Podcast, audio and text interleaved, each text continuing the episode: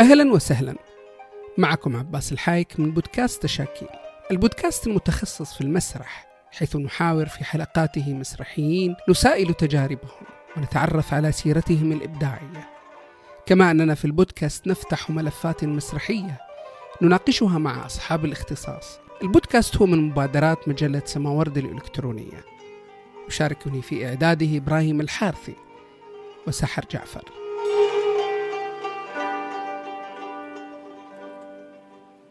نستهل حلقات ملفات مسرحية من حلقتنا هذه حيث سنفتح ملف الأكاديميات المسرحية العربية ونناقشها مع طلاب الأكاديميات وليس مع الأساتذة والمدرسين في هذه الأكاديميات كالعادة.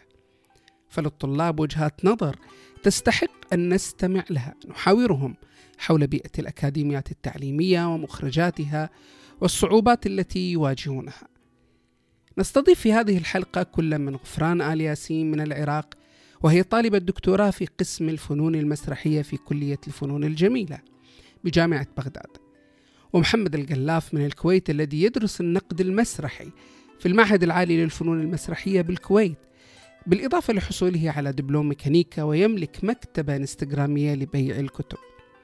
ومن السعودية مرتجى الحميدي الطالب بأكاديمية الفنون الأدائية بالشارقة بالإضافة لكونه مصمم إضاءة مسرحية وحاصل على عدد من الجوائز المسرحية وشارك في أكثر من خمسين عرضا مسرحيا.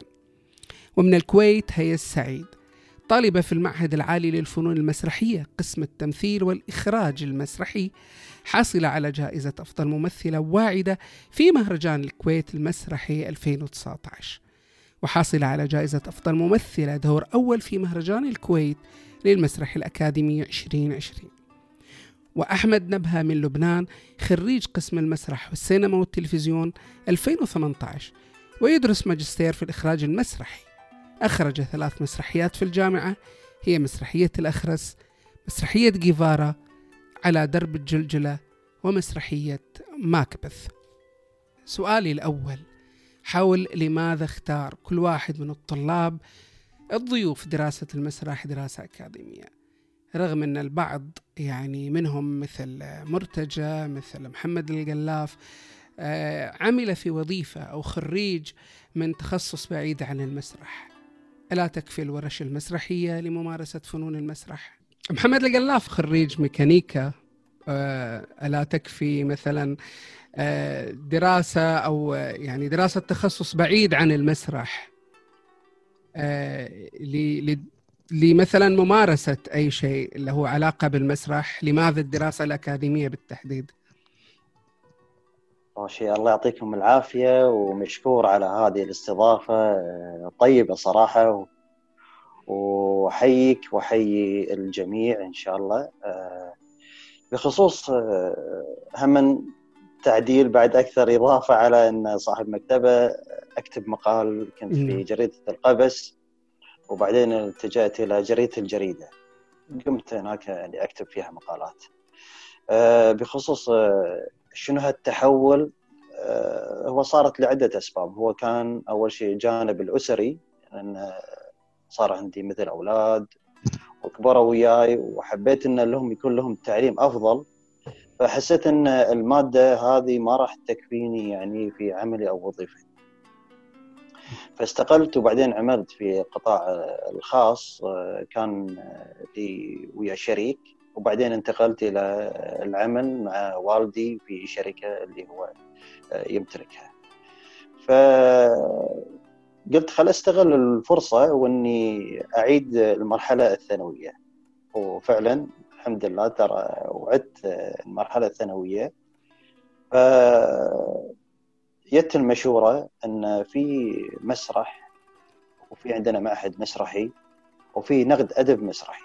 نعم. بس بالبداية ما كنت مقتنع يعني شنو إن النقد أدب مسرحي شنو هناك يدرسون. بس لما شفت الجانب انه يدرسون في المسرحيات ولها علاقة بالتاريخ والآثار والميثولوجيا وغير الميثولوجيا. فهني دش هذا الاستواء من كثر ما طبيعة إن الواحد يحب يطالع الأفلام أو يحب يطالع المسلسلات فاستهوتني إن أدش هذا التخصص. نعم. وبالفعل الحمد لله توفقنا ودشينا في المعهد وهذه الحين إحنا السنة الثالثه هي وهذا اللي شد هي إيش اللي دفعك لدراسة المسرح اكاديميا؟ يعني هل من الضرورة إن إحنا ندرس المسرح اكاديميا؟ آه مساء الخير جميعا.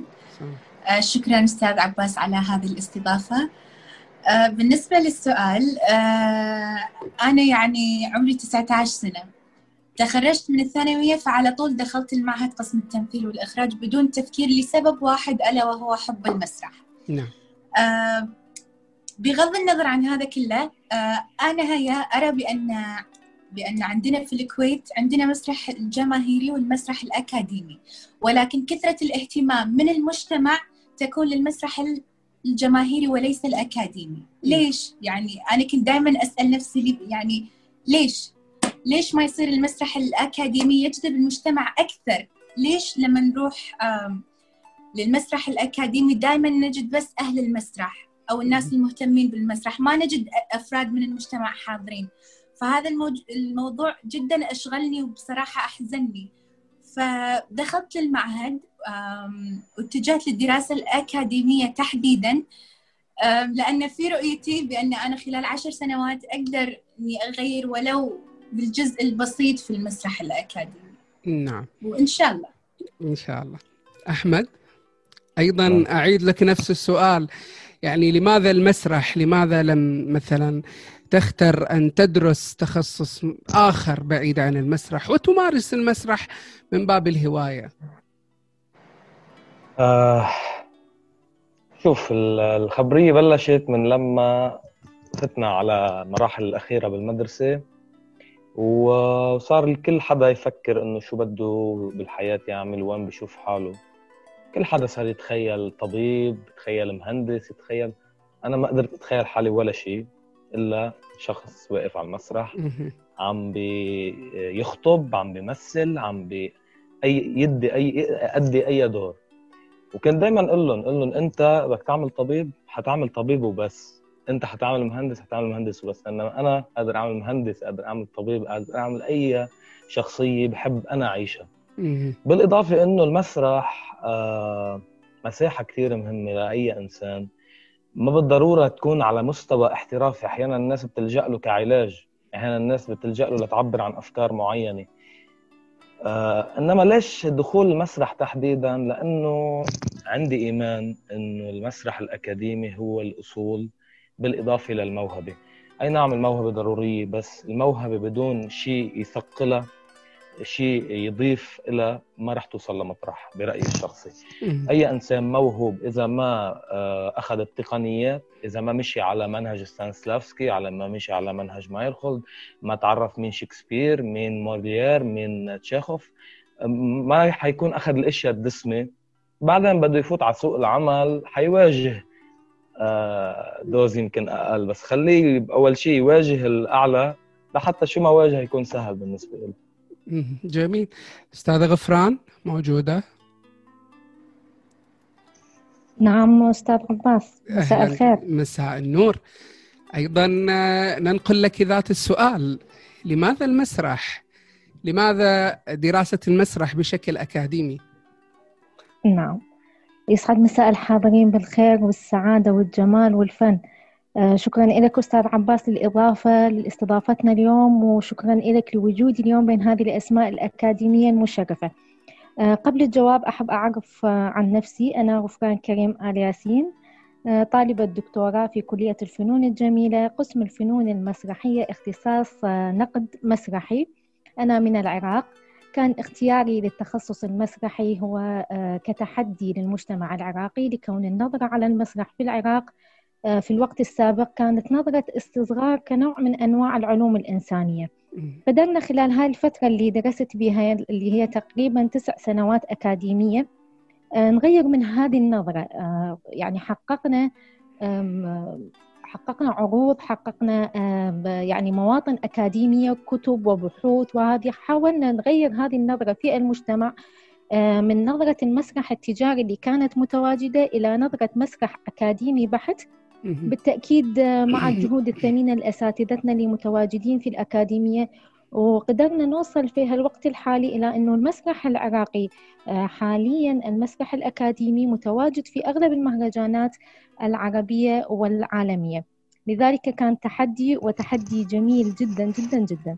شكرا لك أستاذ عباس. نعم. أسئلة مرتجى آه، أنت موظف آه، قطاع خاص ويعني لك حضورك على مستوى المسرح مثلا السعودي من خلال مشاركاتك كمصمم إضاءة. آه، ولكنك تركت الوظيفة تركت المملكة العربية السعودية واتجهت للشارقة للدراسة الأكاديمية. لماذا؟ آه، يعطيك العافية أبو جواد. آه، المسرح أعتقد زي ما تكلم فيه أغلب الموجودين المسرح المسرح هو عشق كذا يجي لك وتطير معاه. يعني هو يسحبك له ما يحتاج إن إن أي شيء يدفعك له. هو من نفس المسرح هو يدفعك له. آه المسرح أنا أنا بالنسبة لي أنا عشت مع المسرح من وأنا صغير. آه تربيت مع المسرح ومشيت معاه إلين ما آه جاتني يوم من الأيام صدفة إن أنا أطلع إلى بريطانيا. كان حلم إن أنا أطلع فطلعت إلى بريطانيا إلى دورة في بريطانيا. آه، أخذت الدورة وما احس نفسي إن أنا شبعت إن أنا آه، من من ما حسيت نفسي إن أنا شبعت من من ال ال الأشياء اللي أخذتها. أنا محتاج أكثر. فكانت هذه هذه الدورة تقريبا في 2012 كانت أمنية حياتي ان أنا أرجع وأكمل دراسة في بريطانيا. وكنت سنويا آه، أسافر وأخذ نفس الدورة اللي أخذتها آه، في بريطانيا أو أمشي بنفس الطريق اللي اللي آه، حصلت فيه الدورة. ف بعد هالسنوات دي كلها صادفت إن حكومة الشارقة أعلنت عن عن إنشاء أكاديمية شارقه والمنهج راح يكون فيه بريطاني فكان دافع إن أنا أدخل في في في الأكاديمية وبدال ما أطلع إلى بريطانيا وأسافر إلى بريطانيا هذه ثمان ساعات وإحنا في في الإمارات. فطلعت و... وأنا الآن في السنة الثانية في الجامعة وإن شاء الله آه، يكون يعني إن شاء الله نقدر نقدم شيء آه، المسرح البريطاني أعتقد في في أشياء مختلفة في تخصصات مختلفة محتاج محتاجين أنا بتكلم عن عن السعودية محتاجين بعض بعض التخصصات لتنظيم العمل المسرحي في وأنا تخصصي الآن في الجامعة في المعهد هو إنتاج نعم. إنتاج مسرحي فالعملية التنظيمية للعمل المسرحي. السعودية شوي فيها ربكة فمحتاج إلى نعم. إلى فكل واحد يعتقد إنه نفسه مغير في هالعالم. نعم. يعني أغلب الأكاديميات المسرحية في الوطن العربي هي أكاديميات تهتم بتدريس فن التمثيل المسرحي بين قوسين. آه، ومن النادر ان أن نجد هناك آه، يعني تخصص أو كلية أو معهد أو أكاديمية تدرس التمثيل التلفزيوني أو السينمائي. آه، ومع هذا نجد أن أكثر هذه الاكاديميات تخدم التلفزيون بسبب تحول الممثلين من المسرح من دراسة المسرح إلى ممارسة التمثيل التلفزيوني أو السينمائي لاحقا.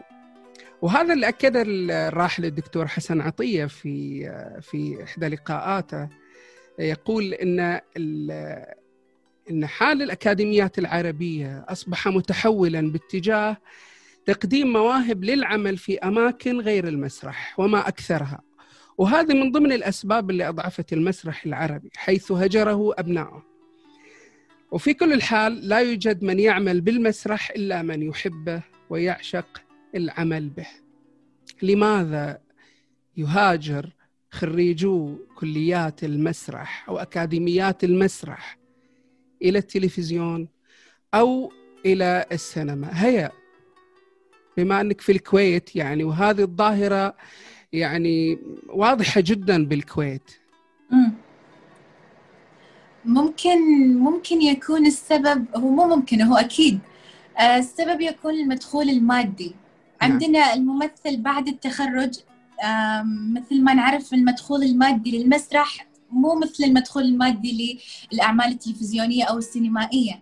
فيكون قليل جدا. فممكن الممثل يعني يكون يعني ما أدري شلون أقولها آم، يكون داخل هذا المجال لكسب يعني للقمة عيشه. نعم. ففي المسرح لا يجد الدعم المادي الكافي له ولأسرته ولأبنائه ولكن بالمقابل يجد في آه، مشاهد التلفزيون أو السينما يقدم القليل ولكن يأخذ الكثير الكثير. يعني بالكثير ال- المدخول المادي. نعم. آه، غير ذلك ممكن في بعض المهرجانات يذهب الممثل ويعمل ستة أشهر لعرض مسرحية وفي الأخير لا يجد أي تقدير سواء من من من لجنة المهرجان نفسها أو من الجهة ال- التي مشارك هو بها.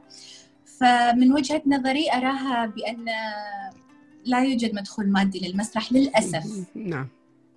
أحمد في لبنان هل الأمر آه، ذاته؟ نفس مشابه. الإشكالية. مشابه مشابه وإنما آه، في بالموضوع دراما زيادة. مهم. آه، في مبدأ آه، كومبرسية كثير صاير موجود على مستوى شركات الإنتاج. يعني ما ما بتقدر أو ما بتأخذ من وقتها لتعرف هذا الشخص أكاديمي مش أكاديمي درس ما درس شو بيعرف. وإنما هو طالما هو وجه غير معروف هو كومبارس آه، وأدنى من الكومبارس. وعاده مفهوم الكومبارس بالسينما الأجنبية مفهوم مهم ومخرج يعمل على الكومبارس لحتى يوصل الجو يوصل ال mood ويكون مقنع. لأنه السينما لازم تكون مثل الحياة الطبيعية ما يكون فيها تصنع. يعني أنا إذا بدي أعمل مشهد بكفيه ما في يكون في ثلاثة أربعة بالكفيه وطالبين نفس ال... طالبين نفس الطلب بده يكون في. التنوع بده يكون في ال- الاتقان بالمشهد كله ككل آه ما بخبي عليك طلابنا مني ومن غيري واللي سبقوني واللي حيتخرجوا عم يتجهوا صوب السينما صوب التلفزيون أكثر من المسرح لأنه المسرح آه، آه، محفوف بالمخاطر. تنجح المسرحية ما تنجح تطلع مردود ما تطلع. آه، مثل ما قالت هيا المردود المادي عم يلعب كتير دور.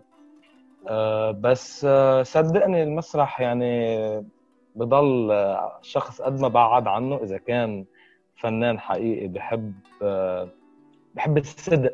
بركز على كلمة الصدق بالتمثيل. بحب هيدا التفاعل المقدس بينه وبين الجمهور سواء بالكوميديا الزقفة اللي بتعني له قد الدنيا أو كان بالدراما كمان الزقفة اللي بتعني له قد الدنيا.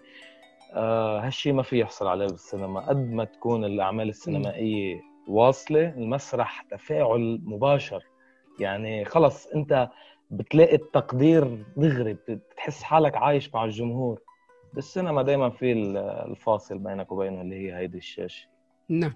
آه، غفران هل تعتقدي إن يعني شغف الشهرة هو آه، يعني آه، سبب أيضا لابتعاد كثير من خريجي الأكاديميات المسرحية عن المسرح واتجاههم للتلفزيون؟ الخريجين الحديثين آه، بعيدين عن أضواء الشهرة لكن عندنا إحنا في العراق أيضا المدخول المالي كما أكدوا زملائي له دور لكن الإنتاج المسرحي والعروض تعتمد بالأساس على النخبة من الممثلين والنجوم الكبار. نعم. أما الشباب والخريجين الحديث يواجه صعوبة في اختياره أو ترشيحه لعرض مسرحي.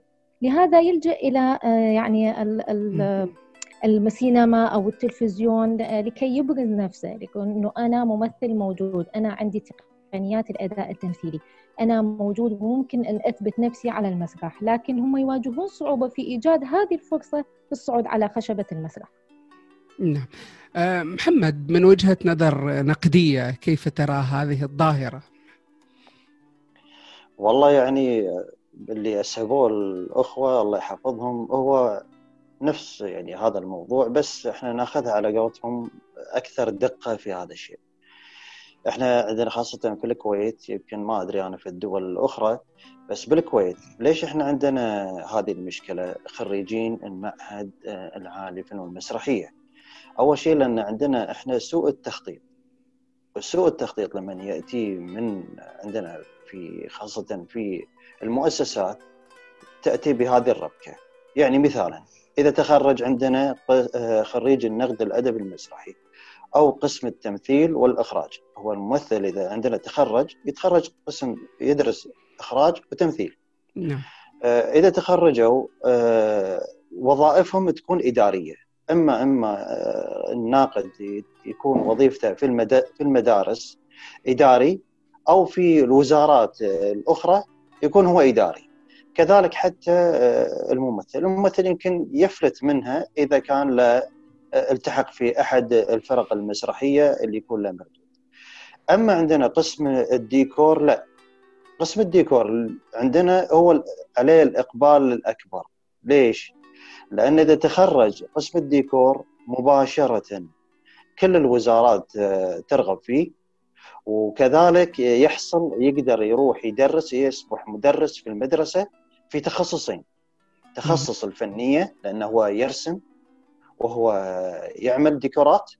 وكذلك يصبح مدرس ديكور يعني شوف نعم. صارت عنده شغلتين فإذا صار مدرس يعتبر راتبه يوصل إلى 1000 1200 دينار فيكون مردود عنده هو جيد آه، أما القسم الرابع اللي عندنا في المعهد هو قسم التلفزيون وهو إذا تخرج طبعا يروح إلى قسم التلفزيون لهذا إحنا عندنا إشكالية كبيرة في هذا الشيء. وكانت يعني في الظاهر عندنا في الكويت آه، في توجه لهذا الشيء إن قسم النقد وقسم التمثيل والإخراج إن يكونون مدرسين. مثل المدارس الخاصة، إحنا عندنا المدارس الخاصة النظام الأمريكي ونقول النظام البريطاني هو المعول عليه أكثر. آه، المدرسين لما استشفيت هناك منهم آه، بعض المعلومات رأيت إن كل مدرس آه، يا إنه يكون خريج تمثيل وإخراج أو يكون هو آه، خريج نقد أو يكون هو مدرس آه، لغة إنجليزية بس عنده شهادة بكالوريوس أو ماجستير في التمثيل والإخراج. لهذا هو عنده هذا الطابع في هذا الشيء. وهذا اللي إحنا نشوفه فيه عندنا خلل في هذه الأشياء. لأن أنت تعرف الراتب هو يح... وأول وتالي أي شخص يبي يتخرج في أي مكان يحتاج إلى راتب. فلهذا إحنا شوي الوظائف الإدارية معاشاتهم أو رواتبهم قليلة جدا فتشوف في عزوف على هذا الشيء. نعم. على لا ابدا آه، مرتجى آه، إحنا لاحظنا مثلا في عدد من خريجين ال- الأكاديميات المسرحية في المملكة العربية السعودية كان لهم عدة خيارات يعني وكثير منها بعيده عن المسرح. يعني في وظائف بعيدة عن المسرح وكثير منهم تخرجوا من المعهد واختفوا عن عالم ال- عالم المسرح عالم الفن حتى. وفي بعضهم أيضا تخرجوا من معهد عالي الفنون المسرحية بالكويت واستقروا بالكويت لم يعني ما عادوا السعودية. وعملوا في التلفزيون في في بعض ال- المهام اللي لا- لها يعني ما لها علاقة بالمسرح. كيف تشوف الوضع يعني يعني خاصة الآن في المملكة هناك مبادرات من قبل وزارة الثقافة لتطوير الحراك المسرحي هل تعتقد أن هناك عودة للخريجين آه، للعمل في المسرح؟ آه، أنا أنا ما بتكلم عن. في لأن الحين تقريبا السعوديه تمر في انتقالة في الفن والثقافة وهالأمور فما بتكلم عن جيل آه، آه، الخريجين السابقين. أنا بتكلم عن آه، الفترة اللي أنا عايشتها. آه، إحنا عندنا مقوله أعتقد مشهورة في في الوطن العربي إن الفن ما يأكل عيش وإن. المسرح ما يأكل عيش. وأعتقد إن هذه حطيناها في بالنا وصرنا نمشي عليه. يعني صرنا آه، نجاريها في كل شيء إن الفن ما يأكل عيش. بالنسبة لي أنا آه، من أنا تخرجت ودرست في في جامعة تخصص كيمياء وبعدها ما قدرت أكمل طلعت من الجامعة حق ان أنا أتفرغ إلى المسرح وتوظفت كدخل آه، يعني يمشيني في الفترة. نعم. وكان إيه وكان المسرح هو اللي يدعمني في الحياة يعني يدعمني ماديا طول السنوات هذه أنا كان كنت حاط في بالي إن المسرح يدخل يعني يأكل عيش ياكل ويعيش الإنسان بالعيش اللي اللي يقدر يعيش فيها. فأعتقد إن أغلب ال- الفنانين اللي عندنا عندهم هذه المقوله وصاروا يمشون عليها ويسيرون عليها.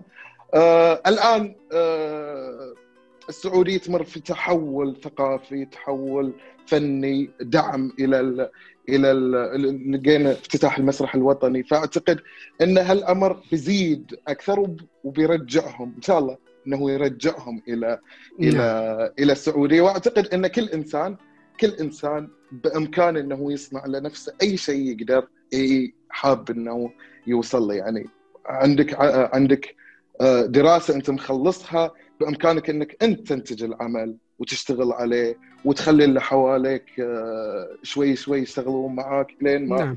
توصل إلى الهدف اللي أنت تبيه. من خلال تجربتكم في الأكاديميات في العراق في الكويت في لبنان آه، في الإمارات آه، كيف ترون المناهج اللي ترتكز عليها الأكاديميات؟ يعني المناهج التطبيقية والنظرية وهل نقدر نقول إن هي كافية لتأهيل آه، مسرحيين قادرين على العمل المسرحي المبدع خاصة أن في مقولات كثيرة تتداول على أن كثير من هذه المناهج هي مناهج تقليدية نظرية تقليدية وغير متجددة وما تواكب جديد المسرح العالمي هل ممكن لهذه المناهج آه، أن تخلق مسرحيا جادا؟ أحمد من خلال تجربتك وبعد ما تخرجت من من الجامعة. آه لا من اللي ما, شا... ما ما في شك إنه أي منهج دائما بحاجة لتطوير. يعني ما في منهج بيكون وبضل مثل ما هو على مر العصور. آه اللي فيني أقول لك اياه إنه عندنا آه منهج نوعا ما عم بيقدم للطالب الحاجات الأساسية كممثل. بيبقى عليه هو ال- البحث و... و... والشغل على نفسه. يعني الجامعة بتكب لك مفاتيح المنهج بيعطيك مفاتيح انت روح ابحث. يعني أنا الجامعة هي عرفتني على قامات كبيرة بال... بأساس التمثيل سبق وخبرتك آه يعني أنا قبل الجامعة ما بعرف مين هو ستانسلافسكي. أنا ما بعرف آه أي كاتب أجنبي على مستوى. ما بعرف كتاب عرب. سعد الله ونوس آه محفوظ إلى آخره الجامعة والمناهج كانت آه، هي عم تخلق لنا المساحة إنه خلص نحن كل الوقت تركيزنا على آه، نقاط واحد اثنين ثلاثة إلى آخره اللي اللي هن موجودين. هلأ بقول لك كافي أكيد ما في منهج كافي لازم يضل في تطوير. لازم نحن نشوف سوق العمل كمان وين رايح. الاتجاهات الفنية التيارات الفنية. يعني okay نحن مثلا بنعرف العبث نحن بنعرف المسرح الواقعي نحن بنعرف المسرح آه، آه، الرمزي بنعرف المسرح التعبيري إلى آخره. بس ما وقف المسرح عند هول منيح نعرفهم منيح ننطلق منهم. بس لازم دائما نبحث على التطور. يعني دائما في وإلا ليش طلع المسرح الحديث؟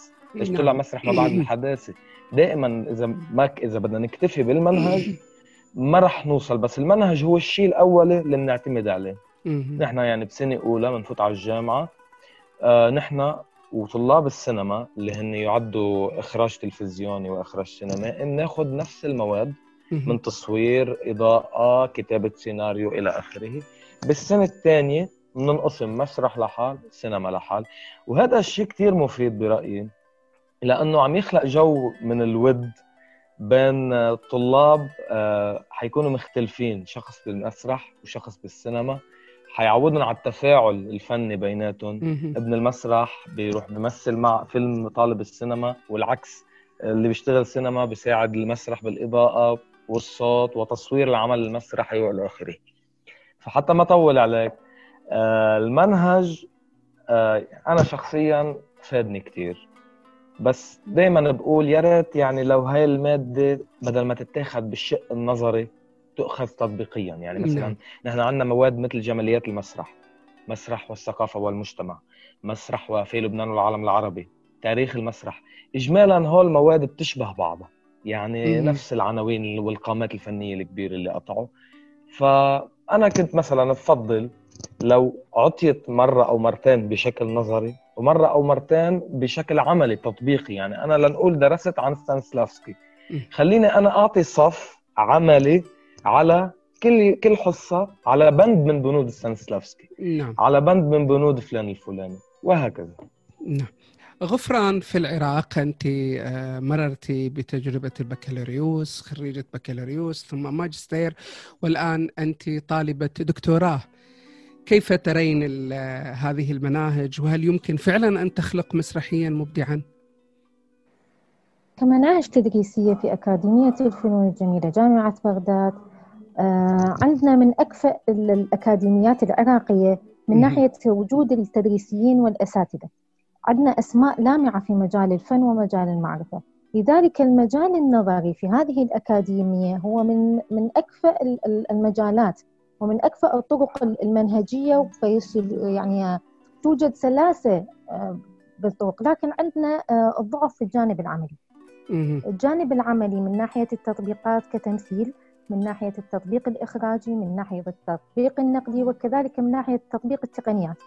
آه، الأكاديمية ما موفرة كل التفاصيل اللي يحتاجها التدريسي لتهيئة مسرحي متكامل حسب الاختصاص. لذلك دائما نجد في العروض اللي في المهرجانات اللي تقيمها كلية الفنون نجد أكو يعني لمسه ضعف من ناحية التقنيات اللي موجودة بسبب قلة وضعف الإمكانيات اللي موفرتها الأكاديمية. لكن إحنا كتدريسيين عندنا طاقات يعني طاقات جمالية طاقات فنية من ناحية الممثلين من ناحية المخرجين من ناحية التقنيين أيضا. آه، لكن كما قلت إنه ضعف الإمكانات اللي موفرتها وزاره التعليم أو موفرتها الأكاديمية بشكل عام. نعم. هي آه أنت آه يعني تدرسين في المعهد العالي للفنون المسرحية ومن المتفوقات في المعهد. يعني إحنا التقينا في الشارقة آه ضمن أوائل آه الأكاديميات العربية. كنت نعم. نعم. ما رأيك في المناهج؟ على المستوى التطبيقي ولا النظري؟ في دراستك في آه على المستوى التطبيقي أو العملي في كلا الحالتين آه أرى أتكلم عن نفسي في قسم التمثيل والإخراج بس لا نعم. أعلم عن بقية لا لا من خلال تجربتك أنت يعني آه، من خلال تجربتي أنا في قسم التمثيل والإخراج تحديدا أراها غير كافية إطلاقا لسبب نعم. واحد ألا وهو طبيعة الممثل الأساسية نعم. آه أنت كممثل لا تستطيع أن تكتفي بمنهج واحد وخلاص. لابد أنك تبحث تبحث عن يعني مثلا لدينا عدة مواد من أهمها مادة التمثيل في قسم التمثيل والإخراج. مادة مادة التمثيل أنا أخذ فيها مثلا نصوص شكسبير. طيب أنا خذيت الحين نص شكسبير. ما أخذه وأقرأه وأمثله وخلاص. لا أنا لازم أبحث عن أبعاد هذا النص. كيف كتب؟ لماذا كتب؟ أين كتب؟ آه من الذي مثله؟ هذا كله المعهد ما يعطيني إياه هذا كله لازم أنا كطالب تمثيل أنا اللي أروح وأبحث عنه. نعم. آه كتطبيق للمنهج آه في المواد العملية آه في المعهد العالي للفنون المسرحية في دولة الكويت أنا أرى جدا مناسب.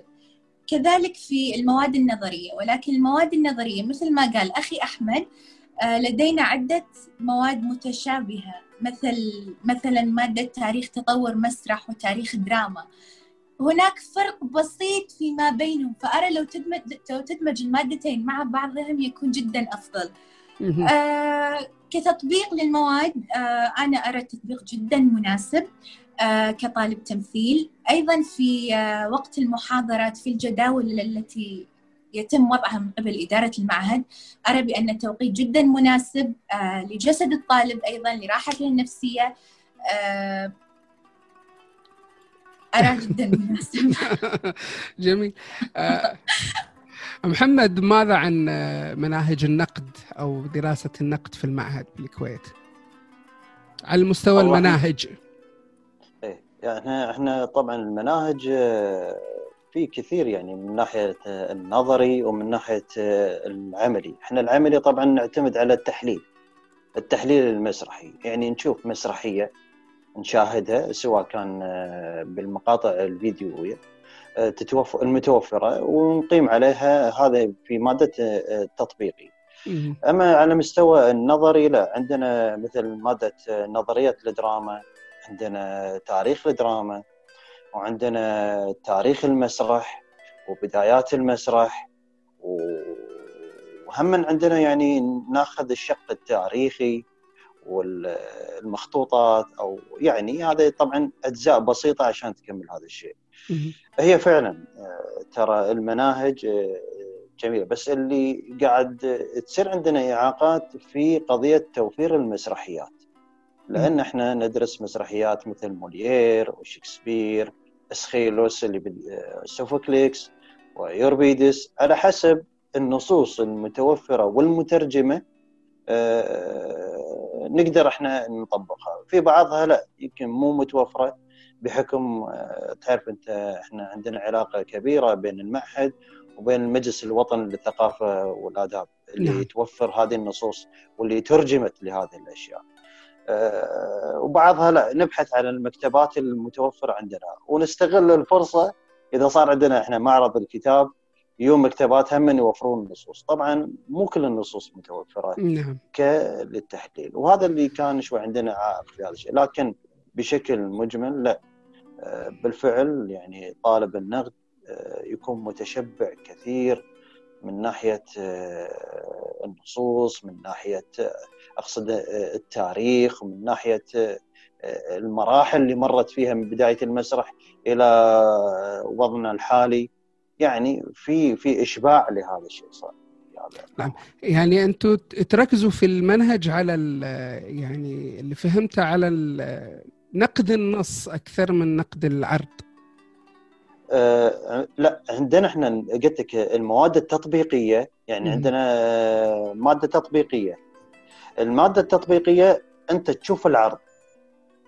تشوف العرض مو مباشر انك انت تروح مثل مسرحية تشاهدها لا تشوفها في المتوفرة في نعم. الانترنت في اليوتيوب أو المواقع الإلكترونية نعم آه يخبرك مثل الدكتور أو الدكتورة الله يحفظهم آه شاهدوا مثل هذه المسرحية بعدين يعطي آه الآليات النقدية اللي إحنا نمارسها في هذا الشيء نعم. هذا من ناحية التطبيق أما الناحيه النظرية لا من ناحية شو اسمه التاريخ ومعرفة بداية المسرح ومنو النظريات شنو النظريات النقدية اللي توفرت وكذلك عشان هم نبخص في هذا الشيء آه، عندنا التحليل آه، المسرحي.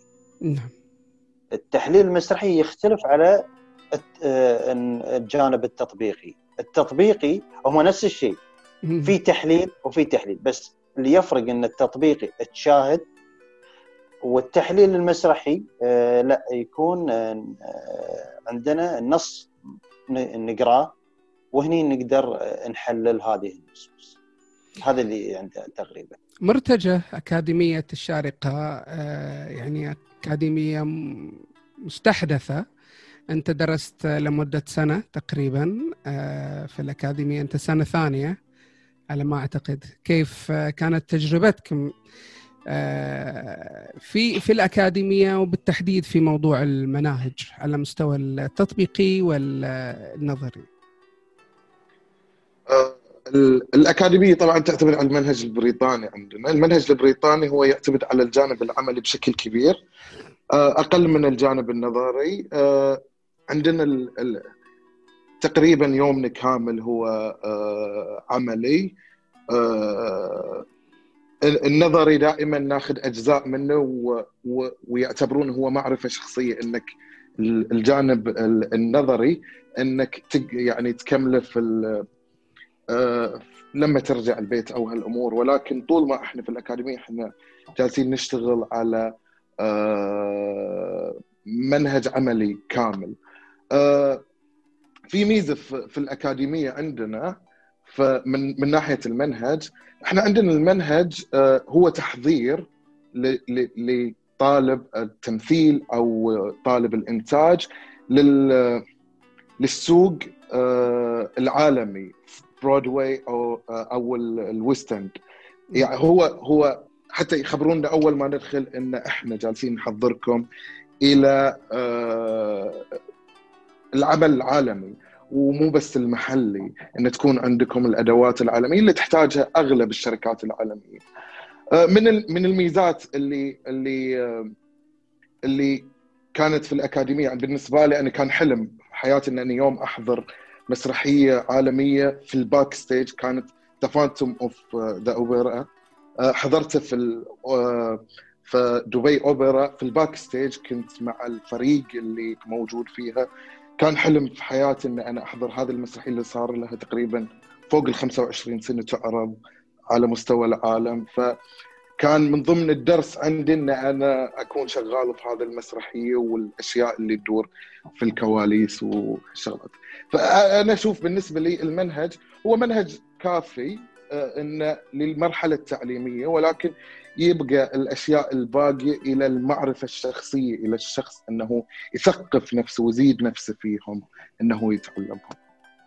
أوكي محمد آه، برجع لسؤال حول يعني إحنا تكلمنا عن المنهج لكن أنت كيف تشوف أثر المحاضر نفسه أو الدكتور اللي يدرسك هذه الم... يعني يدرسك هذا المنهج أثره في آه، مدى تقبلك لهذا المنهج أو رفضك إلى إلى استيعابك إلى آه، يعني أبغى أعرف تجاربكم كلكم حول هذه المسألة يعني حول المناهج ومن يدرسون هذه المناهج من خلال تجربتكم الأكاديمية. محمد نبدأ منك. والله الله يعطيك العافية. والله هم شوف الدكاترة يظلون في تفاوت بينهم. بس ما أبي أنا أبخس صراحة بحق أحد يعني آه تظل يعني لكل دكتور لما يمسك منهج آه أراه قاعد يؤدي اللي عليه بشكل جميل يعني ويخليك ما تطلع من على قولتهم المادة إلا أنت متشبع يعني فيها. وهذا اللي يساعدك إن الدكتور يعني مهما كان يراعي يعني حتى ظروف الطلاب يعني في دكاترة إحنا بعضهم يراعون حتى مستويات الطلاب الفكرية يعني يشوف أنت عندنا أحد الدكاترة الله يحفظه أول ما يدخل القاعة يسأل الطلاب يقول له أنت كم كتاب قرأت؟ هل اطلعت على مقالات؟ كتبت يوم في من الأيام كتابة؟ شنو أنت معدلك اللي تخرجت فينا من الثانوي؟ أنت هل أنت علمي أو أدبي؟ لما هو يسوي هذا يعني عقبتهم الاستكشاف أو الاستطلاع هني يعرف يقدر مستويات الطلاب وشون يوصل له المعلومة أو شلون يقدر يأخذ مع الطالب في هذا الشيء. وهذه صراحة ما كنت أشوفها يعني في بعض الكليات. أنا ما ما أقدر أهمل أجزم أقول مو موجودة. لا بس يعني هذه حركة تحس ان هي جديدة انه شلون يستكشف وشلون يعرف وشلون يقدر يوصل لنا كذلك حتى اللي ماسكين مواد نظرية الدراما أو تاريخ الدراما يعيشونك الجو. يعني يخلونك تعيش الجو وشلون في تاريخهم انتقل المسرح وشلون عانى المسرح في فترته وشلون بعدين نهض مرة أخرى وشنو كانوا الرواد وشنو كانوا النقاد يعانون؟ يعني كان فعلا يعيشونك في هذه الأجواء.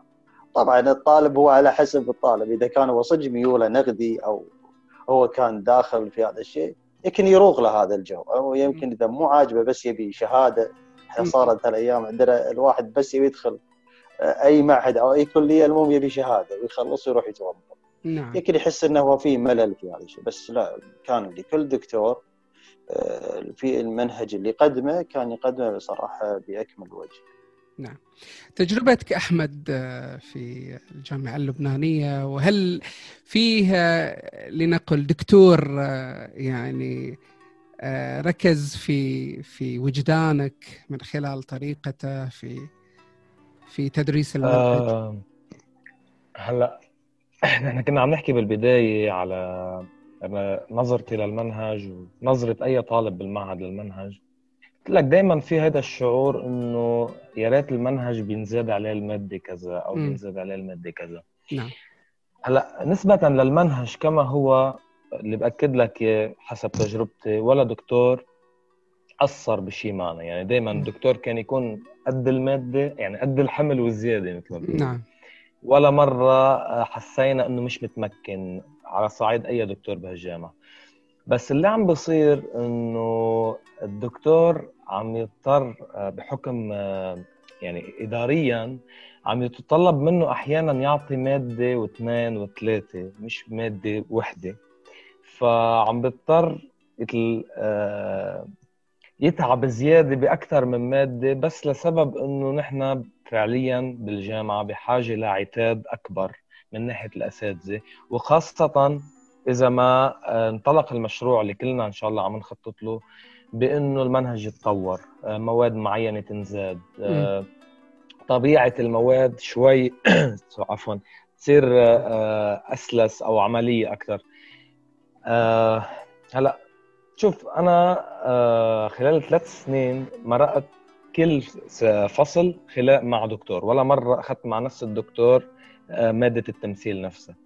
ومن كل دكتور استفدت من شيء يعني أنا مرقت مع دكتور هشام زين الدين اللي هو عرفني على حضرتك وطلعت معك بهالبرنامج المشكور حضرتك وتعبان مبين فيه.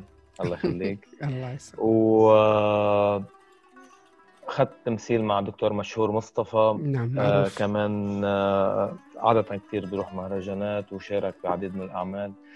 اخذت تمثيل مع دكتور آه مع دكتورة رويدة الغالي كمان استفدت معها كثير شوف يعني كل دكتور عنده أسلوبه منهجه الخاص نعم. مدرسته المسرحية الخاصة. يعني دكتور هشام عادة توجهنا معه صوب الكوميديا الكوميديا السوداء المواضيع اللي هلأ آه، دارجة بالمجتمع. دائما بحب يروح بطريقة الإسقاط على المجتمع حاليا شو عم بيعاني.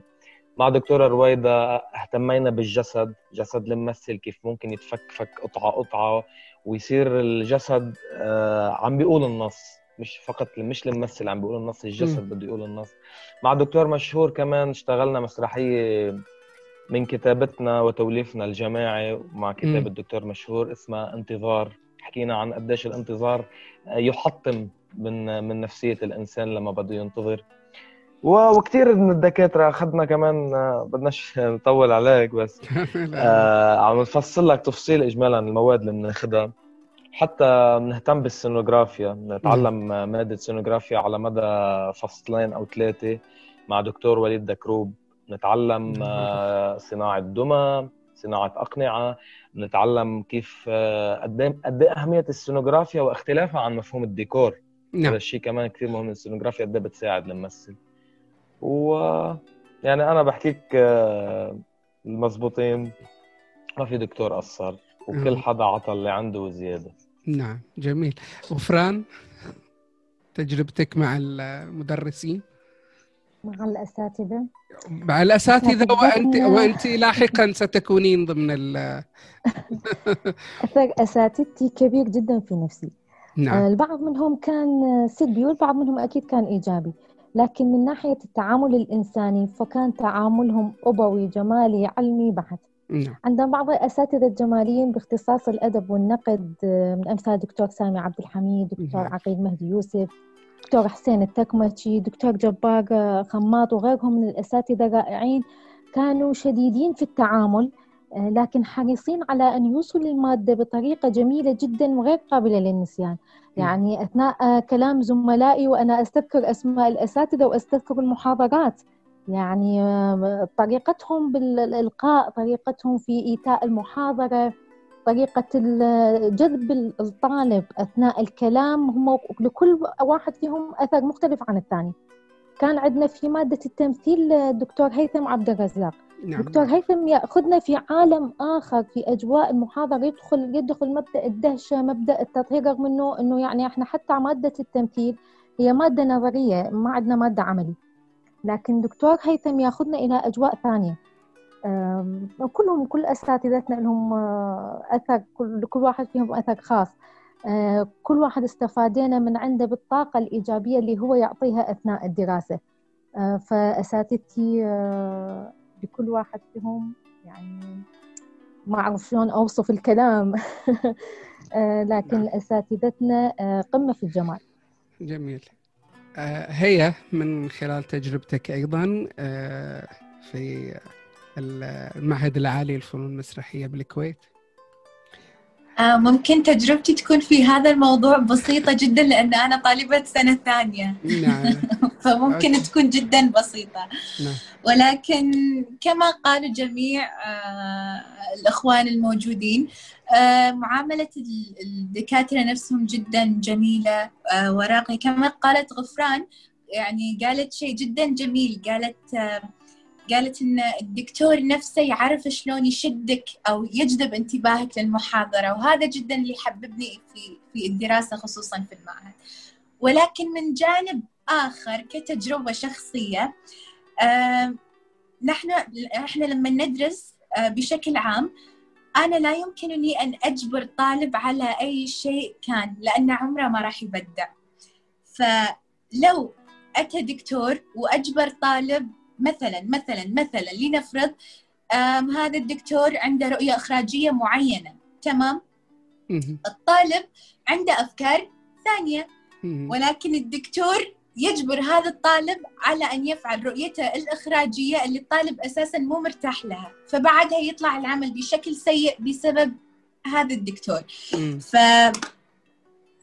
الإشكالية تقع في في طريقة التواصل ما بين الطالب والدكتور. نعم. إن الدكتور حاب شيء معين حاب رؤية معينة والطالب لديه فكر آخر. فبالنهاية كطالب تمثيل عشان الطالب نفسه يبدع عشان الممثل يبدع في عمله لا تجبره على شيء معين. لأن عمره ما راح يبدع. ممكن أنا هذه الشغلة البسيطة اللي اللي تضايقت منها خلال فترة دراستي اللي هم السنتين.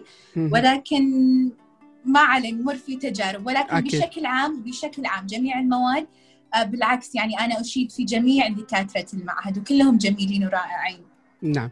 إحنا تحدثنا عن الأساتذة العرب لنستمع آه، حول البريطانيين والأمريكان أو في تجربة الأكاديمية الشارقة. كيف يتعاملون مع الطلاب على مستوى التدريس وعلى مستوى التعامل الإنساني أيضا آه، أنا الكويس إنهم ما يفهمون عربي فلو قلت فيهم ما قلت ما حد ما حد بيسمع فما عندي أي مشكلة آه، إحنا إحنا المدرسين عندنا آه، أنا كلام الزميلة هيا هيا أعتقد الاسم صح؟ أيوه. صح كلام الزميلة هيا جدا جميل. وهو انه دائما إحنا عندنا التوجيه في الوطن العربي كثير عندنا يوجه المدرس الطالب إن أنت افعل كذا أنت سو كذا. إحنا عندنا في الأكاديمية المدرسين ما يستخدمون هذا المنهج ابدا أو هذه الطريقة في التعليم آه، الطالب. آه، يعني أنا خلال دراستي هذه السنة الحين وكم شهر okay ما يوم مدرس قال لي الشيء اللي سويته غلط. رغم إن أنا أعرف إن الشيء اللي سويته غلط أو أعرف إن الشيء اللي سويته صح. ولكن ما يوم مدرس قال لي إن اللي سويته غلط.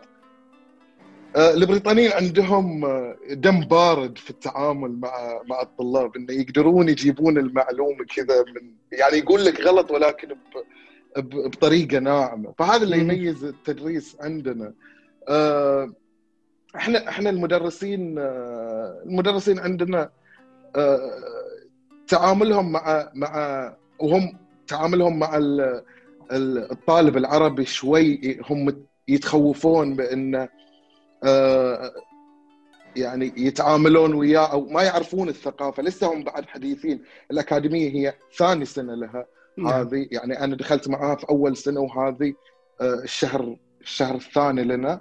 من السنة الثانية فهم حديثين ولسه قاعدين يعيشون. ممكن بكرة يتغيرون ويصيرون يوجهون الطالب ولكن خلال هذه الفترة أنا اللي مريت فيها ما ما شفت أي توجيه دايركت. هم يعني تعليمهم يجيبون المع... يعني شافوك آه، ما أديت أو ما قدمت الشيء بشكل آه، آه، صحيح أو في فيه من تفاهم المنهج. آه، يركزون عليه إلى فترة معينة إلين ما يشوفونك عديت وهم ما يحتاج إنهم يدق... يقولون لك إنك أنت غلط لا أنت من نفسك تفهم إنك أوه اللي سويته أنا غلط فأبدأ أغير أنا في الطريقة. نعم. آه، في المسرح يعني أو في يعني الاتجاه إلى الدراسة الأكاديمية في الأكاديميات المسرحية كثير من من يعني الشغوفين بالمسرح يتجهون لدراسة التمثيل. أكثر من دراسة من التخصصات الثانية. يعني إحنا لو بن بنعمل جردة يعني بالأرقام بنشوف إن عدد الخريجين التمثيل والإخراج في الأكاديميات العربية أكثر بكثير من التخصصات الأخرى. يعني مثلا تخصص الإنتاج المسرحي غير موجود في الوطن العربي. غير في أكاديمية أكاديمية الشارقة لأن هذا تخصص موجود بشكل كبير في أمريكا وفي بريطانيا. آه، في الوطن العربي تخصصات دائما آه، يعني حتى دراسة السينوغرافيا هي دراسة حديثة الآن.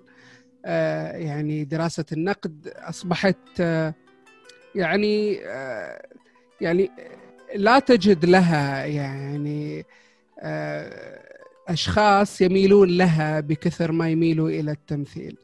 هل موضوع إن المجتمع يرى في التمثيل يعني إذا كان يرى في المسرح أو في الفنون آه، يعني آه، تجربة إنسانية مهمة هل يرى في التمثيل آه، أكثر مما يرى في النقد أو في التخصصات الثانية؟ نبدأ بهيا. ليش التمثيل يعني مو تخصصات ثانية يعني. لا أدري عن السبب بالضبط ولكن ولكن عندنا في في الكويت آه، في قسم التمثيل والإخراج نادرا ما ما ما نجد الجانب آه، خلينا نقول نادرا ما نلقى البنات في قسم التمثيل والإخراج. ف ما أدري إذا في بقية آه، الوطن العربي نجد نسبة البنات أكثر من الشباب أم العكس؟ لا أدري ولكن ممكن يكون لسببين. السبب الأول ألا وهو حب المسرح. ممكن. آه، السبب الثاني ألا وهو للشباب. ممكن أن يكون آه، للشهرة أو للمال كما قلت في البداية. نعم. بالنهاية قسم التمثيل أنت كممثل بمجرد ما أنك يعني تصل لمكان بعيد ستتيسر الحياة معك وستعيش كأنك ملك بكل اختصار. نعم. فبالنسبة للشباب لا أدري ولكن للإناث أنا أجد أجد أجد في في المسرح الحب الشغف آه، الحرية. أحب المسرح بشكل عام. نعم. في في العراق يعني هناك نقاد كثير غفران نرى يعني آه، هناك أسماء كثيرة والأسماء يعني آه، لنقل تتجدد وتتوالد. هناك نقاد وأسماء آه، عديدة في المسرح. يعني هل هذا الأمر موجود في العراق؟ موجود التوجه بشكل عام للتمثيل أكثر من أي تخصص آخر؟ من ناحية الشباب نعم التمثيل يتوجهون للتمثيل بشكل مباشر وحتى الإخراج هم الإقبال عليه قليل. أما بالنسبة للنقد حاليا آه، آه، يعني تم إلغاء كفرع موجود في كلية الفنون الجميلة. تم إلغاء آه، الدراسات الأولية فرع الأدب والنقد لعدم تواجد الطلاب حاليا يتوجهون إلى التمثيل وإلى فرع التقنيات اللي نعمل به سينوغرافيا وتفاصيل الإضاءة فأنا برأيي يعني أنه التوجه إلى التمثيل لكونه أولا نظام عملي أكثر من ما هو نظام نظري. لا يحتاج إلى قراءة وإلى تعددية آه، آراء ونظريات فلسفية لكن هو نظام عملي يطبق حسب ما آه، ما يتم التوجيه. والتمثيل أيضا هو دائما المرئي أما باقي التخصصات تكون خلف الكواليس. وشبابنا حاليا يبحثون عن الشهرة. لهذا يكون توجههم مباشرة إلى التمثيل بغض النظر عن باقي التخصصات نعم ماذا عن لبنان أحمد؟ لماذا التوجه أكثر آه إلى التمثيل؟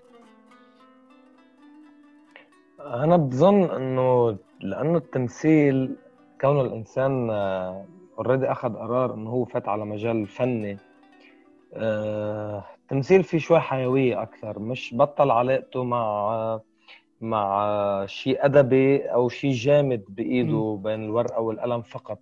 بالتمثيل أنت بحاجة تقرأ بحاجة تحلل بس حتروح تطبق. يعني أنت بس بده يجي لك دور كممثل. أنت بحاجة للورقة والقلم بحاجة للتحليل بحاجة لقراءة مضمون النص. بس بالآخر حتحمل كل هيدا معك وتبنيه بشخصية وتجسده من لحم ودم.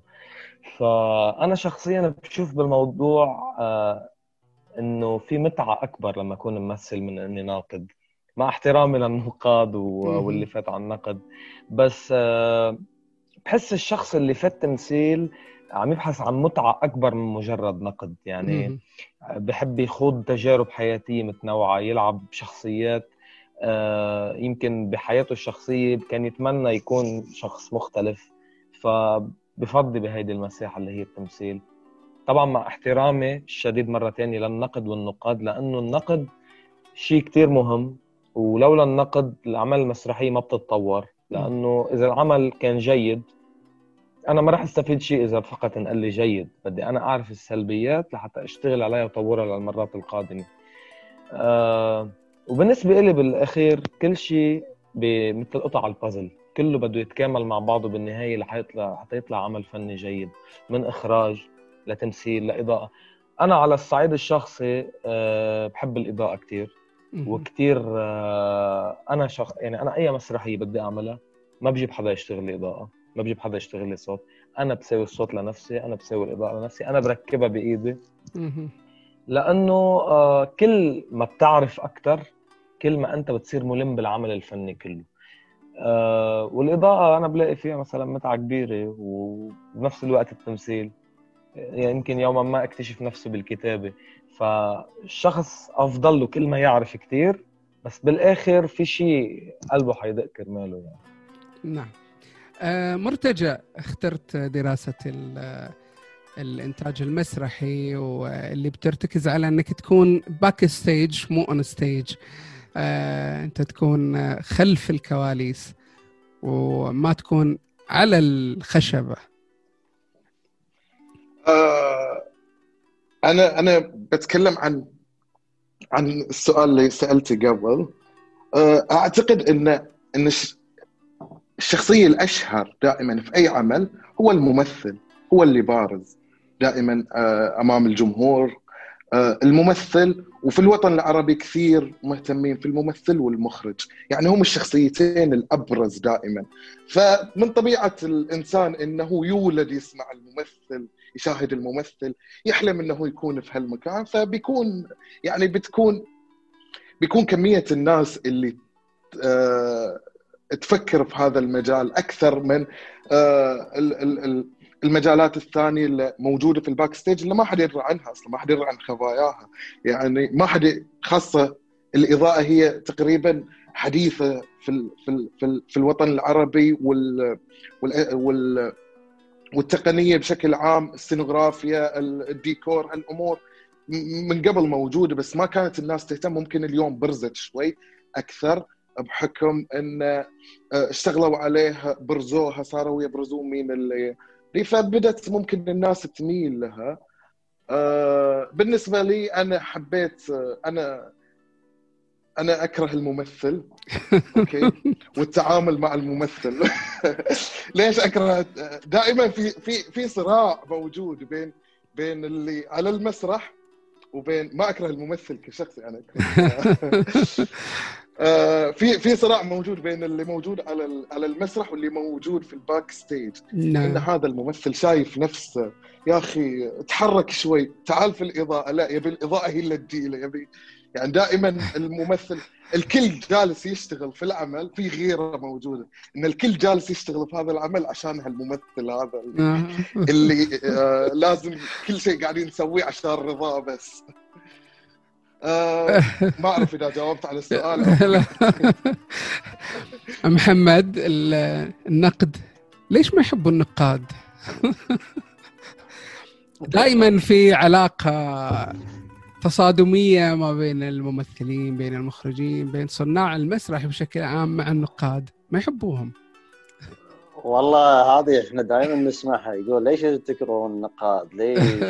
شنو أنا والله كنت أستفسر يعني من هالشيء صراحة وما للحين ما حصلت له إجابة. أه هو عموما يعني ترى الناقد أو اللي مهتم في قسم النقد ترى هو كائن أو شخص مو معروف حتى لو تروح في الغرب الحين تتكلم تتكلم عن الممثلين نعم. بس إنك تتكلم عن ناقد ما راح تتكلم عن ناقد. تقول له والله الناقد الفلاني شفت له مقالة كانت جميلة. هذا ما راح تاخذه. يمكن يمكن الناس تاخذ الكومنتات التعليقات آه، أكثر مما ياخذون آه، ما كتبه النقاد. يمكن الحين في الفترة الأخيرة الحين آه، بدات تبرز أسامي مثل اديث هول اللي البروفيسورة في جامعة إنجلترا هي اللي قامت الحين. اسمها يبرز عندنا آه، في خاصة اللي يهتم في الدراسات النقدية أو غيرها. بس الناقد يعني حتى الناقد يمكن لأنه يكتب نقدة يعتبرونه هو قلم جارح أو قلم شوي يسبب ربكة حق الممثل أو المخرج في هذا الشيء. بالعكس يعني المفروض ناخذ العكس يعني. يعني كمثال آه، مثل عندنا اللي آه، عمل فيلم طرواده آه، تروي. لو تشوفون المخرج كان يقول يقول أنا متوقع من الناقد إنه راح ينتقدني وبقسوة. وأنا مسؤول على هذا الشيء وأتحمل كل النقد اللي هو يكتبه. لأنه فعلا مع حق ليش؟ لأنه كان 11 ملاحظة معطي. اللباس الأجسام ما كانت صحيحة. بعض الأخطاء التاريخية. فقال أنا متقبل يقول أنا وين أقدر أجيب لباس صار له آلاف السنين يعني مشابهة. أو وين أجيب أجسام متطابقة مع اللي كانت في طرواده بس رغم ذلك يقول أنا أتقبل هذا الشيء. ولكن في الوطن العربي تتوقع ناقد إذا كتب بهذا الشيء يمكن الوضع يصير مو جيد عليه. نعم. وعادة هذه اللي كانت عندنا إحنا. مشكلة في إن الناقد ما يقدر يبرز لأنه هم من ما عنده المساحة اللي يكتب فيها. لا الصحف تستقبله ولا المجلات اللي تستقبله. ليش؟ لأن الناقد مو مثل الكاتب الصحفي. يعني هم لازم إحنا نفرق إذا أنا خذيت اطراء أو خذيت كتابة تحليلية لأي كان مسرحية أو كانت فيلم لا يعتبر هذا النقد الحقيقي يعطي أبعاد كثيرة ويمكن تعتبر صفحه كاملة لها المفروض تكون يعني لها لهذا ما تشوف له وجود في الصحف ما تشوفه وجود في المجلات والناقد من لهذا يبتعد عن هذه الأشياء يبتعد عن الخصومة عشان لا يمكن يصير تصادم بينه وبين الممثل وكذلك البيئة الغير متوفرة. نعم. الله يعطيك الله يعطيك أنت ذكرت البيئة وأنا بسألكم عن البيئة عن بيئة الدراسة الأكاديمية. من وجهة نظركم إيش اللي آه، ينقص الأكاديميات اللي درستوا فيها أو تدرسوا فيها الآن من كل النواحي خاصة على مستوى البيئة البنية التحتية المناهج؟ من وجهة نظركم. نبدأ بالعراق غفران. كبيئة دراسية أكاديمية أكيد هي بحاجة إلى صيانة أو تعديل أو تطوير.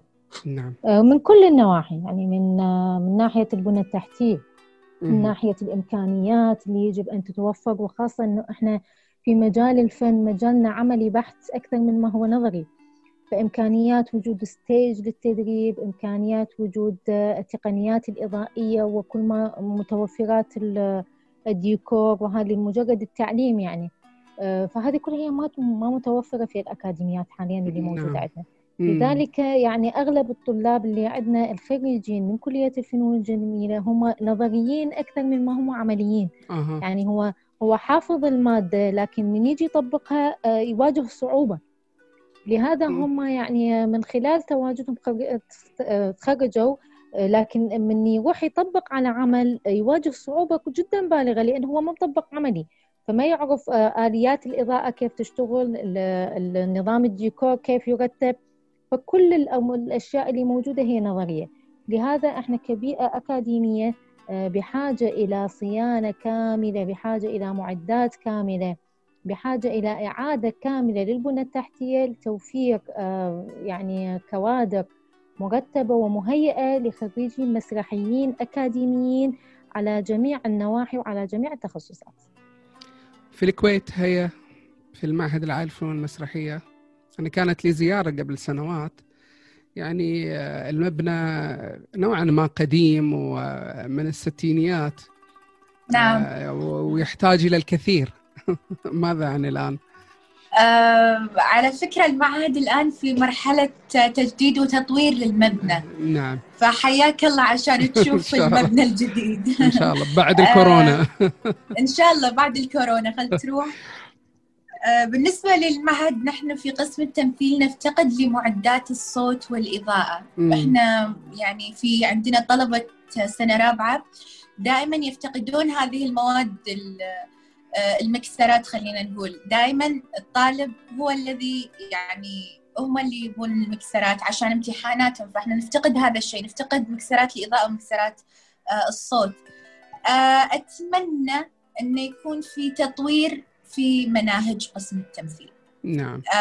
المسرح في عام 1950 غير عن المسرح في عام 2020 صحيح. فأتمنى أنه يكون في تغيير في المناهج ولو كان بسيط لأنه حرام.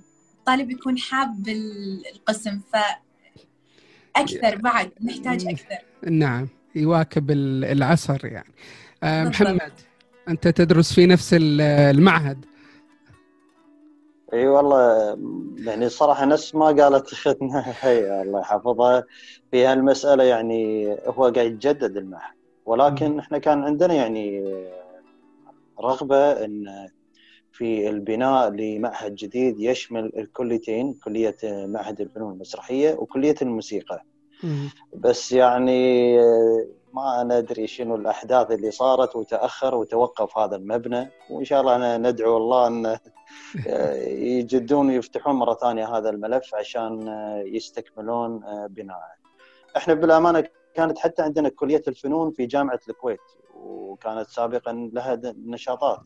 ولكن هم للأسف ما أدري يعني شنو الأسباب اللي جعلت إن الواحد يقفلون يعني هذا القسم. وأما المناهج يعني إحنا قلنا المناهج تظل فيها تطوير ولكن نحتاج إلى آه، دراسات. آه، إحنا الحين خلاص آه، انتقلنا من مرحلة إنك أنت بس تأخذ المنهج لا. أنت تحتاج إلى دراسات وتحتاج إلى مجلات محكمة.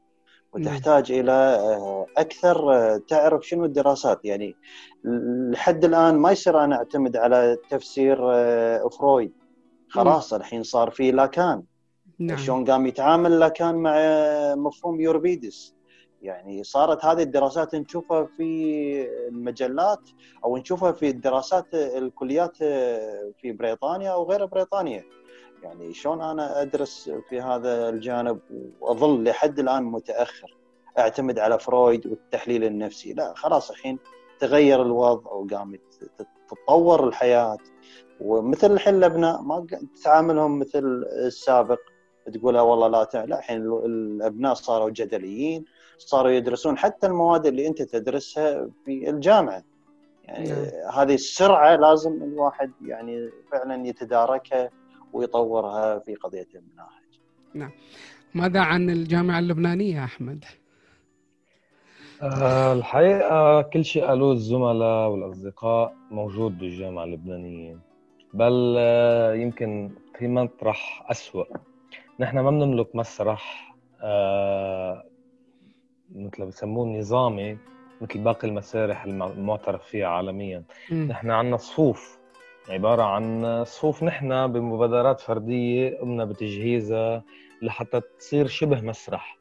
بس ما عندنا آه، الخشبة ما عندنا الأجواء اللي بتعطي صفة المسرح وبتعطي سحره. باستثناء صف آه، تم آه، مثل ما قلت لك بمجهودات فردية من طلاب دفعة 2015 اللي تخرجوا قاموا وعملوا باركيه وحطوا برادي وعملوا كراسي وإلى آخره.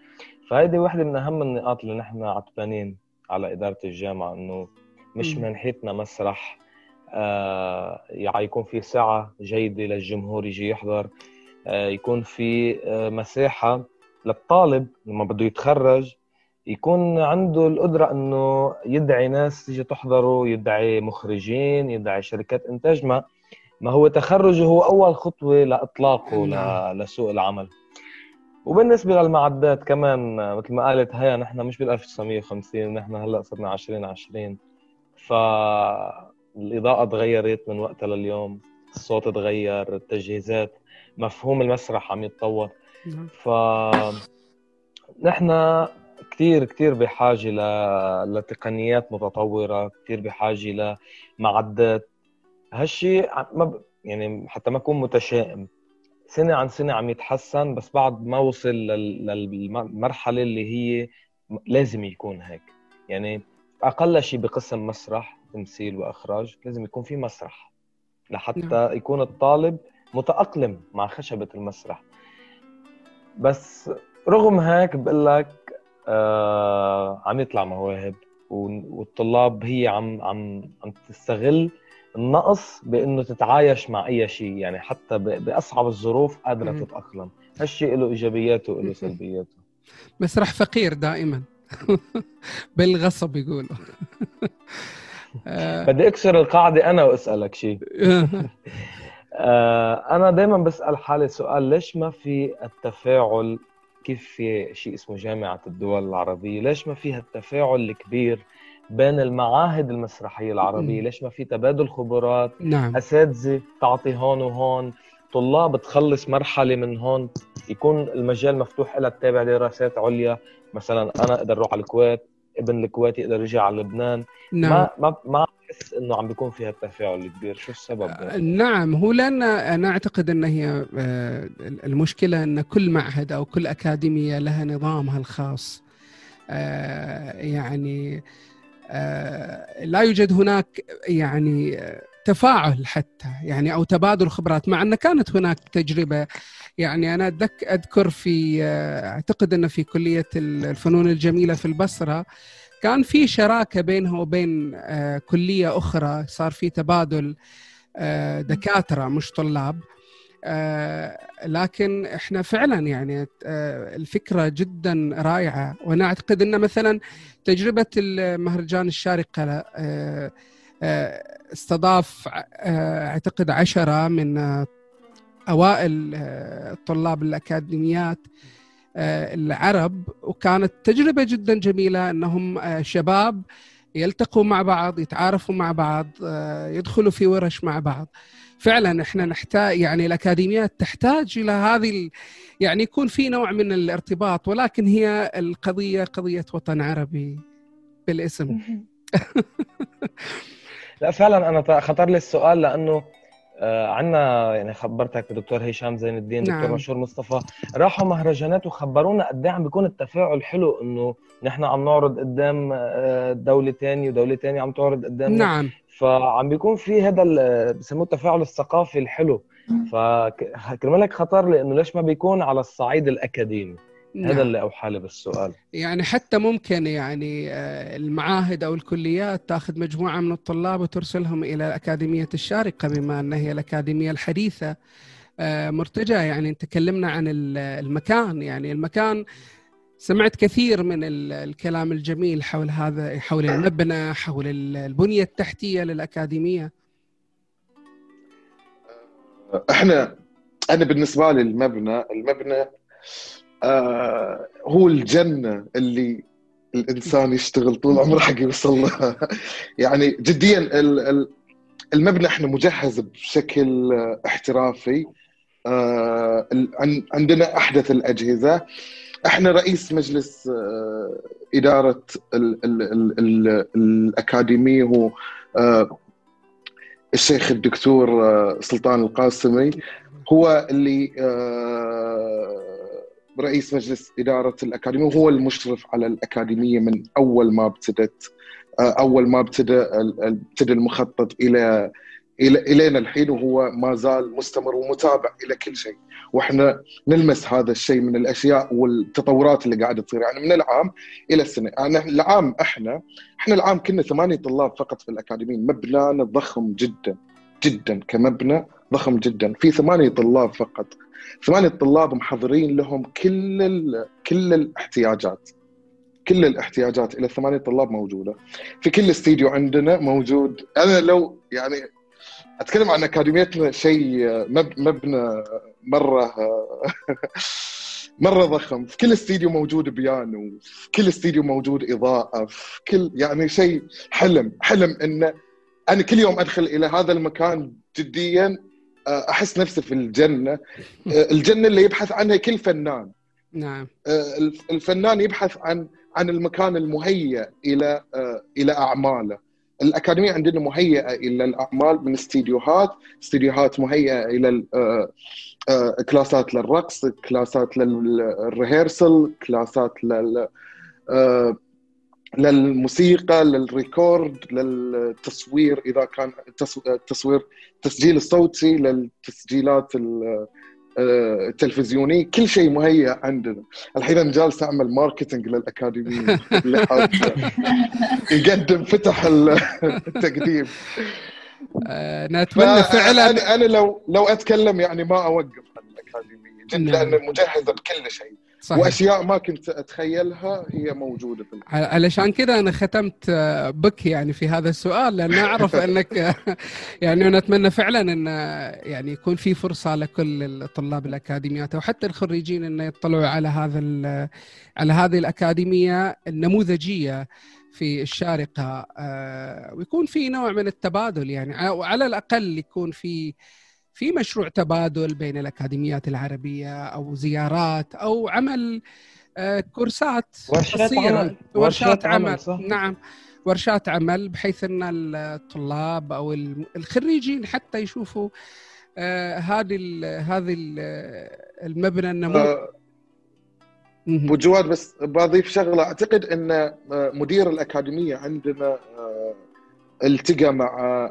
آه، مع أغلب المعاهد الفنون العالي في الوطن العربي وعرض عليهم أعتقد مشروع مم. التبادل الثقافي اللي يدور نعم بين و... جميل. وذكر لهم في الافتتاح ذكر لهم إن الأكاديمية فاتحة أبوابها إلى أي تبادل حابين إن شاء الله. آه، أي معهد يعمل فيه. طيب كل واحد آه، فيكم بعد التخرج بعدكم تخرج أو بعدكم آه، أثناء الدراسة كيف تشوفوا أنفسكم بعد ال بعد آه، الدراسة الأكاديمية؟ أحمد؟ آه يعني إذا بدك هي طلعات ونزلات آه في أيام نحس حالنا إنه استفدنا. في أيام مراحل يعني خصوصي الكورونا الكورونا كتير آه، أذتنا نفسيا على مستوى تطور الذات.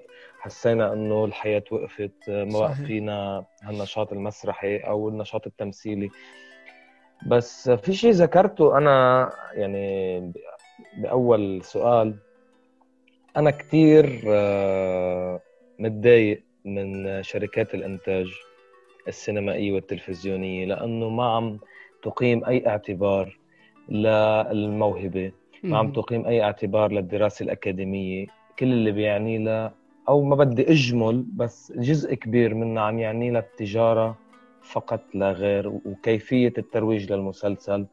والمنصات الإلكترونية أو الإذاعات التلفزيونية أو المحطات ال- القنوات اللي مشهورة. كيف ممكن تعرض؟ هل هذا الوجه بيجذب لي جمهور ولا لا. بغض النظر موهوب دارس مش دارس. وأنا على الصعيد الشخصي من فترة طلعت على شاركت بمشهد بسيط بست تصوير لشركة معينة. كانت طريقة التعامل جدا آه، فوقية. آه، ما لا تقيم أي اعتبار حتى يعني طريقة التعامل إنسانيا جدا مش موجودة. يعني أنا بركز بس إنسانيا. أنا إذا التقيت بشخص أقل شيء مرحبا أستاذ عباس كيفك؟ كيف صحتك؟ تعرف نعم. عليك تعرف علي. مش موجود هيدا الشيء بين نعم. شركات الإنتاج. أنت كومبارس خليك على جنب. بس نخلص مع البطل. تبقى بنقول لك اكشن بتصور المشهد وفيلم. نعم. هيك طريقة التعامل. وللأسف للأسف الشديد آه، هين هون عم بربطوا بنظرت نظرتنا للشيء اللي درسناه. أوقات بنطلع إنه آه، يا أسف درسنا الأصول بالجامعة درسنا اكاديميا ما عم نلاقي اللي درسناه بالسوق. ما مم. مش موجود. هالمفاهيم الفنية اللي تربينا عليها مش موجودة. كل اللي. بدكم إياه ميك اب أو وسامه أو ما بعرف شو ويلا. بس بنفس الوقت بفتخر بكل صراحة يعني أنا بقول قدام الكل أنا خريج جامعة لبنانية وحاليا ماستر بالإخراج المسرحي. ليش؟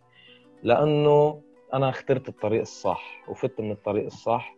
بيبقى ابتسم لي الحظ أو ما ابتسم لي الحظ هذا بيبقى موضوع قدر. بس أنا على الصعيد الشخصي ماني ندمان. ولو بيرجع الزمن في لورا خمس سنين رح أرجع فوت على المسرح. ورح أعمل تمثيل. وموضوع آه كمان فتحوا الشباب أكلني عيش ما أكلني عيش صدقني أنا شايله على جنب. بهم أنا آه عم أكل عيش روحي عم أكل نعم. عيش نفسي ورضاي عن حالي. هذه بكل اختصار. جميل. غفران بعد التخرج؟ نعم أي. أين أجد نفسي. إيه، نعم. ما وجدت نفسي للأسف. أنا حاليا ما بين يعني حسب اختصاصي أنا اختصاص أدب ونقد مسرح. نعم. آه لكن لم أتوقف عند الأدب والنقد. لم أتوقف عن آه في مجرد أنه أنا أقرأ النص المسرحي وأكتب عنه جماليا ونقديا. آه أو أشاهد العرض المسرحي وأكتب عنه جماليا. أنا آه مثلت وأخرجت بعض العروض. آه لكن يمكن التجربة الوحيدة اللي أم لم أدخلها هي تجربة السينوغرافيا. لأن صعب العمل بها من ناحيتي إنه كبنت تدخل في هذا العمل صعبة وعدم تواجد يعني الموارد لهذا العمل أيضا تواجدها صعب آه، لكن آه، حاليا أنا آه، أعمل كمدرسة لمادة يعني محاضرة آه، تجريبية آه، في كلية التربية الأساسية في اختصاص آه، التربية الفنية. نعم. بدأ أطبق نظام التمثيل نظام النقد نظام لهذا أنا أنا في جميع الفنون المسرحية لم أجد نفسي في مكان معين آه، لأن الفن المسرحي بكل تفاصيله بكل اختصاصه يستهويني صراحة. نعم. ويعني كلمة أوجهها إلى زميلي أحمد عن تبادل الخبرات. إحنا آه، إذا ننتظر تبادل خبرات أكاديمي آه، راح ننتظر طويلا ولذلك آه، خلونا نتبادل الخبرات عن طريق منصة أستاذ عباس. كل وأدعوكم وأتشرف. آه، لدعوتكم لصداقة طويلة الأمد عن. طريقها نتبادل خبرات نتبادل المصادر نتبادل العروض نتبادل الكلام والهموم ويشرفني هذا آه، طبعا أنه آه، أكون صديقة لكل آه، المجموعة اللي موجودة آه، أستاذ. الدكتور عباس. الله يسلمك. يعطيك العافية. محمد بعد التخرج؟ بعد التخرج والله بعد العمر ما ندري شلون.